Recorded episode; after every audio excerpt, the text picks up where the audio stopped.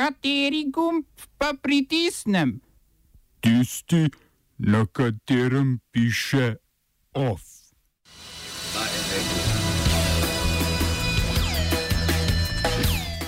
Na volitvah v Španiji brez parlamentarne večine je zmagala socialistična delavska stranka. V Hongkongu protesti proti predlogu zakona o vračanju obsojencev na Kitajsko. V Kabulu afganistanska plemena na zasedanju o premirju s talibi. Predavanje daoističnega mojstra in mednarodni dan džeza.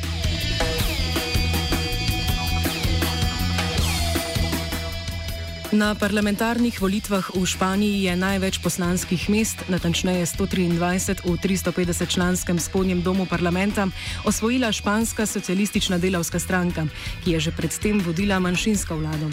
Po številu poslanskih sedežev ji 66 sledi ljudska stranka, ki je od prejšnjega sestava parlamenta izgubila kar 71 poslancev. Ljudska stranka je do lanskega maja vodila vlado, ko je takratni predsednik vlade Marjano Rahoj prejel nezaupnico, nasledil pa ga je Pablo Casado. Močno politično podporo je prejela skrajno nacionalistična stranka Vox, ki je nastala z razkolom v ljudski stranki. Njihova ideja vodenja države pa se približuje državnemu sistemu pred letom 1975. Španska socialistična delavska stranka bo morala za vladno večino, ki znaša 176 od 350 poslancev, v koalicijo vključiti še vsaj 53 predstavnikov. Kje jih bo našla v današnjem offsajdu o petih?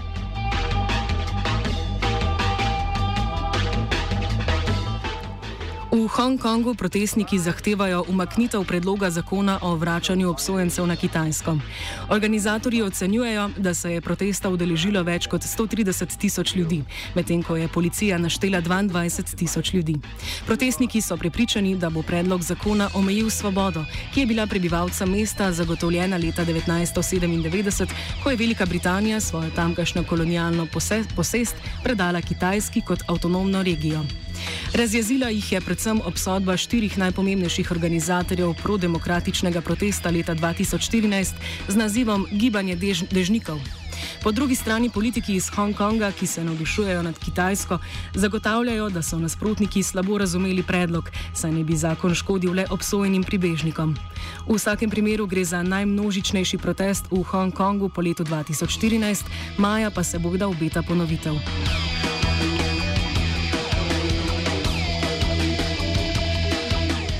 V Kabulu se je začelo štiridnevno zasedanje afganistanskih plemen imenovano Loja Džirga, na katerem bodo voditelji poskušali vzpostaviti skupno politiko do premirja s talibi. Njihovi predstavniki se sicer niso pridružili 3200 delegatom v Kabulu, saj povdarjajo, da ne bodo podprli zasedanja, ki ga posredno vodijo Združene države Amerike. V odsotnosti so se jim pridružili tudi bivši predsednik države Hamid Karzaj in Abdullah Abdullah, izvršni vodja države, ki ga je izbral sedajni predsednik Ashraf Ghani. Tako podporniki zasedanja kot tisti, ki v njem vidijo le podaljšano roko ZDA, se strinjajo, da odsotnost tako pomembnih predstavnikov in lasnikov kapitala zmanjšuje možnosti premirja.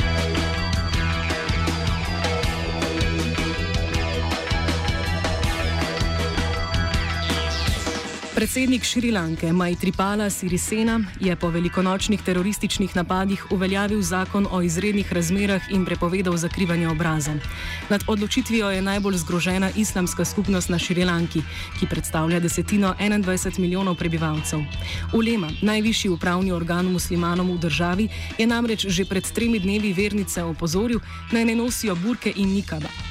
Strokovnjaki odločitev predsednika poleg z odgovorom na teroristične napade povezujejo z nesoglasi med Siriseno in šrilanskim premijejem Ranilom Vikremesingom. Konflikt se je začel krepiti predvsem po lanskoletni večtedenski ustavni krizi.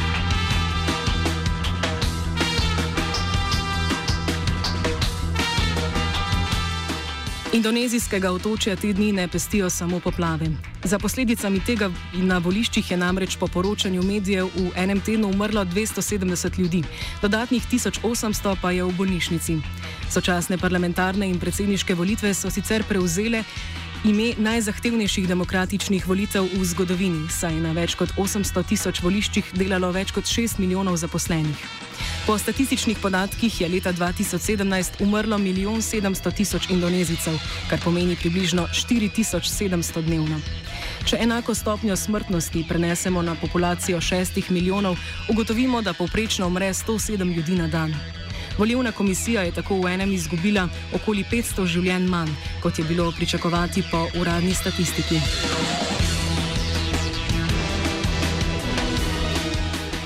Poleg naravnih in volivnih katastrof na indonezijskem otočju se obetajo tudi upravne spremembe. Predsednik Sirisena se je namreč odločil, da zamenja glavno mesto države. Prestolnica tako ne bo več kot skoraj, več skoraj 10 milijonsko mesto Džakarta, ampak se bo preselila iz najbolj obljudenega otoka Java. Zaenkrat ima največje možnosti otok Borneo, vendar do uvedbe nove prestolnice ne bo prišlo še vsaj deset let. Oba, če bom odgovoril na angliški. Slovenija bo poskušala pomagati. Slovenija bo naredila naš utmost, da bo rekla, da je situacija naš problem, sami. In bomo naredili nadaljnje korake, as soon as the conditions are. Bomo vlado Marjana Cererera Šarca podprli. Very, very serious. News from Slovenia. We know how and we will.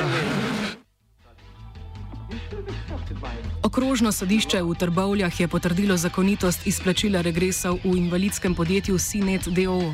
Podjetje med drugim proizvaja nagrobne sveče, kar so uporabili kot valuto za izplačilo regresov delavcem zadnja tri leta. Sodišče je odločilo, da gre v tem primeru za pobot, saj so se delavci z izplačilom strinjali, ker podjetje ni imelo dovolj denarja. Zaposleni tako niso imeli veliko drugih možnosti, če so hoteli prejeti zasluženi regres. Na Zvezi svobodnih sindikatov opozarjajo, da je regres namenjen delavčevemu dopustu in se razume kot izplačilo v denarju, čeprav zakonodaja ni povsem jasna.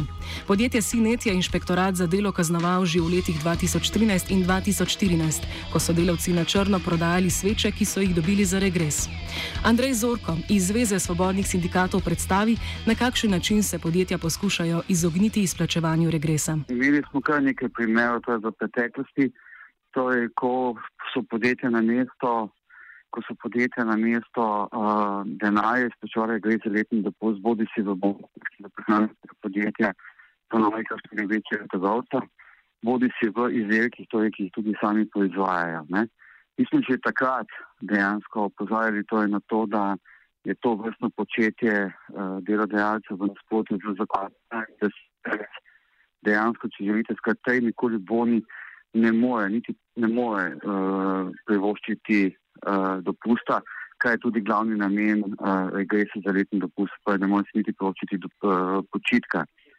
Uh, žal so delavci bili prisiljeni to lahko sicer rečem v narekovajih, ampak ne glede na to, so bili delavci poslani pred dejstvo, ali vzame bone ali pa izdelek podjetja, ali pa ostanemo da brez, brez regresa.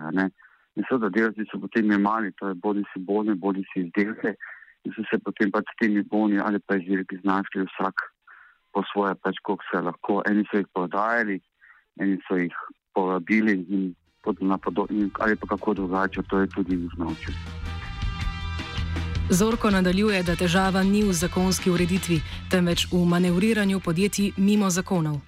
Dejstvo je, torej, da je namen zakonodajalca tukaj jasen. Uh, in to je namen, da delavcu pripada gre za letni dopust, ki se izplača v denarju. Ne, zdaj, nekateri delodajalci seveda to je zakonsko uh, določbo, pa namen zakonodajalca zlorabljajo na način, torej, da jim dajo, pa ponujajo vse drugo, razen, razen uh, uh, denarja. Se pa tudi v primeru, ne vem, recimo bonov za regres ali pa uh, izdelkov podjetja, tudi postavlja vprašanje, torej, ali so tudi plačeni prispevki in davki, torej, ki so po zakonodaji torej, tudi uh, morali biti plačani. Predvsem, da ima to ne vem, regres za leta 2018 in pa bolj zgodna leta. Sindikat kmetov Slovenije je Slovensko kmečko zvezo Slovenske ljudske stranke podal poziv na pristojne organe za takojšnje srečanje z odgovornimi, ki se ukvarjajo z napadi zveri na pašno živino. Okoljsko ministrstvo je namreč lani iz odloka o odzemu iz narave izključilo volka in tako predvidelo le odstrel medvedov. Po uspešni tožbi organizacije Alpe Adria Green proti Republiki Sloveniji pa bo vlada morala še enkrat odločati o odzemu rjavega medveda iz narave. Sindikat in Kmečka zveza so zaradi vse večje nevarnosti v petek pred Ministrstvo za okolje in prostor protestno prinesli ostanke nedavnega pokola živine.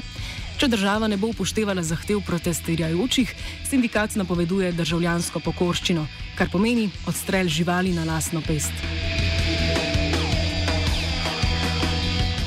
Je pripravil Virant.